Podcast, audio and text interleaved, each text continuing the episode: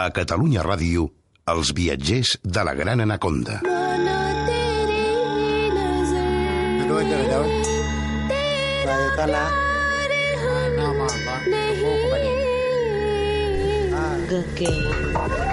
Please hear my anguish words of truth.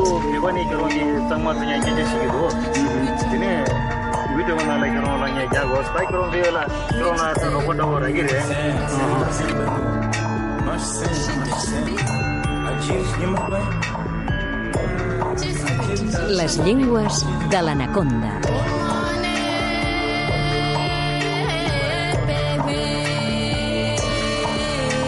David, què tal? Bé, gràcies. Has anat al Punjab, a la terra dels Sikhs? Doncs no he anat mai. No, no. Doncs és un lloc interessant de visitar aquesta regió a cavall de l'Índia i el Pakistan, Ah, sí. però sí, amb sí. una mateixa llengua, em Amb sembla. una mateixa llengua. Bé, se n'hi parlen unes quantes més, Sí. però en aquest cas és una llengua doncs, que es parla en dos estats diferents. També és un cas habitual. El català mateix li passa, que es parla no en dos estats, sinó en uns quants més. També el castellà, el francès, el portuguès, etc etc. no? David Valls, lingüista. Eh, és la llengua originària del Punjab.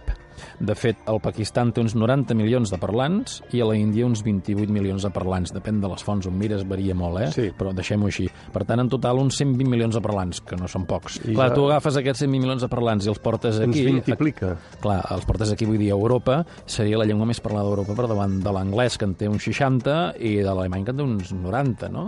Vull dir que no és, no és poca broma, no?, en termes europeus, això. Portes uns quants aquí, home, de fet ja hi viuen uns quants penjabis. Ja hi a viuen, sí. Molts pakistanesos que a vegades diuen que parlen urdu, i sí que el parlen, però el parlen com a segona llengua. De fet, la seva llengua materna és el punjabi. Eh? La llengua punjabi, que és una llengua indoeuropea, com el català, Eh, passa que és d'una altra branca, és de la branca indoària, però sí que podem dir que el català i el punjabi són llengües emparentades. Caram, Un ara sí que em parentiu- sorprens. Sí, un parentiu una mica llunyà, però ho són. I, de fet, encara es pot veure amb el vocabulari de les dues llengües podem trobar coses en comú, sense extendre'ns gaire. exemple? Sí, si mirem una mica els números, eh, diré directament els que semblen una mica més. El número 2 es diu do, do, dos. Sí, una certa semblança. Sí. El tin, 3, més o menys, però l'inici ti 3. Per exemple, mm, si pensem en alemany, si algú sap alemany, el número 5 és panys, però en alemany és fumf.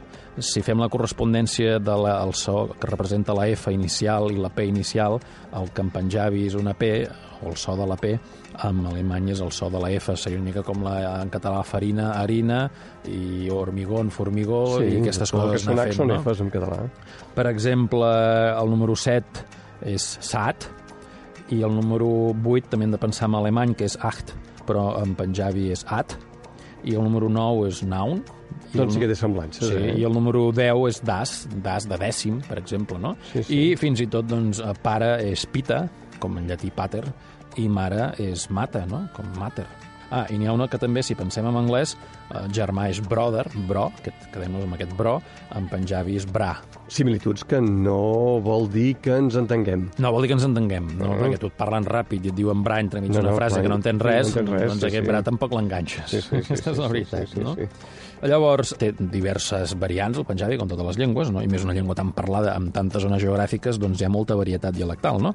Però la variant més important, la més parlada, és, el magi, que es parla entre els rius Ravi i Bias, no? que hi ha dues grans ciutats que suposo que més o menys a tothom li sonaran, que és Lahore, i l'altre és Amritsar. Són les capitals del Punjab, pakistanès i indi, respectivament, dues Ah, ciutats culturalment importantíssimes. culturalment import, molt importants, sobretot també amb Ritsar, perquè és la capital de, dels Sikhs. On hi ha el no? Vaticà dels Sikhs, On hi ha el Vaticà dels Sikhs, no? el Temple d'Or. el Temple d'Or, sí senyor. Uh, què més podem dir del Punjabi? Doncs el a Punjabi té tres alfabets diferents. El Pakistan, per influència del persa i de l'urdu també, i el persa al mateix temps per influència de l'àrab, doncs l'escriuen amb una variant de l'alifat. L'alifat és el nom que té l'abecedari àrab, L'alfabet àrab. l'alfabet àrab. Llavors és, és una adaptació també, eh? perquè el punjabi té molts més sons, té molts més fonemes que no té l'àrab i han hagut d'adaptar una mica els símbols.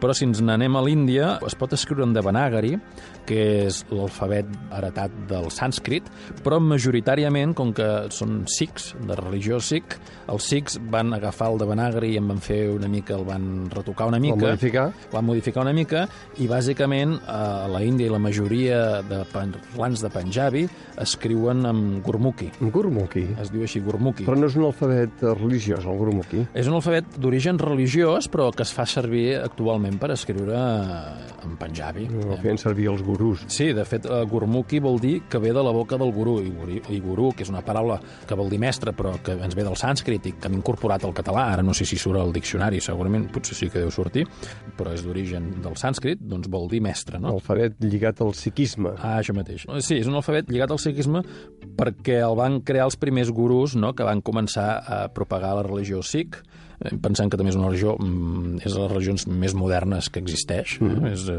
del segle XV, segle XVI, o per allà ara tampoc ho sé massa exacte, i el llibre més antic conservat, escrit enterament amb Gumurki, és el llibre d'Adi Gran, no? El que és primer llibre. el primer llibre, i que és, és un llibre escrit pel gran gurú, el cinquè gurú Sikh Arjuna, no? i va ser escrit amb Ritsar al 1604. Per tant, diguéssim que és força recent, tot això. Eh? I sagrat, un llibre sagrat. I és un llibre sagrat, és el llibre que veneren els Sikhs, és la seva Bíblia, per entendre'ns. El que passa que a la Bíblia doncs, la podem portar a la butxaca de qualsevol manera. Ells és un llibre que tracten com si fos una persona. Home, és que es veu que eh, aquesta còpia que es conserva està o va ser autentificada pel mateix Arjuna, a la ciutat Ah. de Kartapur, al Ahà. Panjab indi. Ah, coi. És l'única escriptura sagrada del món sencer escrita pels fundadors Ah. de la religió en vida. Perquè, clar, tots els altres Sí. s'han escrit quan els fundadors doncs, ja eren, ja, ja no hi era, ja eren no morts són de fa segles, no? escrits per segons o per terceres persones que van, Doncs em no. van dir que m'han dit que sí, Doncs l'Arjuna encara viu ha escrit en directe. i va poder doncs, autentificar. Clar, pe- penseu que és un llibre que això, el tracten com una persona, o sigui, el tapen quan fa fred, dorm en un llit, el posa en un llit, si fa calor, a l'habitació li posen aire condicionat, li fan ofrenes, és, és un objecte eh, sagrat. I el tenen al temple de l'or, d'Amritsar. Ah, l'original, l'original, suposo que sí. Però llavors tots els temples que en diuen Gurwara, en, en Punjabi, n'hi ha una còpia, no? I aquesta còpia doncs, la treuen a passejar. Bé, una mica, la gent pot dir, ostres, això és un llibre... Bé, el cristianisme també adora figures. I la Setmana Santa d'Andalusia, sobretot quan treuen les, les mares de Déus i tot això al carrer, doncs mira, n'hi ha qui fa ofrenes amb una mare de Déu feta de cartró pedra I d'altres amb un i, i llibre. d'altres amb un llibre. Vull dir que aquí cadascú, oi?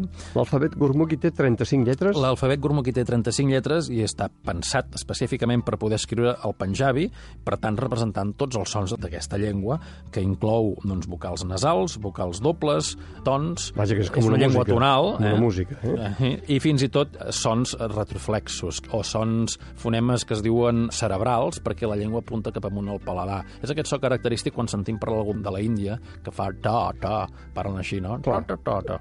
Doncs és, això és una lletra retroflexa, no? No la parlarem pas mai, aquesta llengua. Bé, tot es pot aprendre en aquesta vida. no? Llavors, una curiositat, ja que hi som, eh, eh, Endavant. Dels Sikhs, eh, ja que parlàvem dels Sikhs, que aquesta gent, doncs, sabem tots que a la Índia hi ha un sistema de castes. Sí. El que van voler fer els Sikhs va ser eliminar el sistema de castes i el que van fer, com que el sistema de castes es pot saber pels cognoms de la gent, no? si tens un determinat cognom... Ja saben que ets de la casta dels Ah, guerrers o de la casta Ah, dels intocables. Doncs què van dir? Saps què? Eliminarem eh, els cognoms i ens posarem tots els mateixos cognoms. Direm, els que som homes ens direm 5, eh, és un cognom, és com Garcia, hi ha, hi ha cincs per tot arreu. No vol dir que tots els 5 siguin sics, eh? Però sí que tots els sics són 5. 5 vol dir lleó. Ara penseu una mica en la ciutat de Singapur, Sí, sí. eh, que vol dir pur, vol dir ciutat, això ve del sànscrit, però del sànscrit ja ve, ens ve de l'indoeuropeu, abans hem dit que veníem de la mateixa llengua l'indoeuropeu, eh, llavors Singapur vol dir la ciutat del lleó, i si aneu per la zona Nepal, Índia, Pakistan, veureu Udaipur, Jaipur, moltes, Moltes ciutats, ciutats acabat en pur, perquè vol dir, ciutat. vol dir ciutat. I a més a més, si venim ara un moment a Catalunya, hi ha un topònim aquí a Catalunya que és Empúries, Empúries, deixeu-m'ho pronunciar així, que aquest pur és la mateixa arrel que vol dir ciutat. I a les dones van dir, els homes es diuen lleó i les dones es diuen caur, que vol dir princesa. Com si fos un conte de les mil i una nits. Ah, això mateix. Per tant, totes les dones sics són princeses, encara que siguin pobres o riques, però totes princeses. Que bonic, David. Molt bonic. Fins aviat. Vinga, gràcies, adeu. Les llengües de l'anaconda, de David Valls. Ara també a les llibreries. Viena Edicions. Els viatgers de la gran anaconda.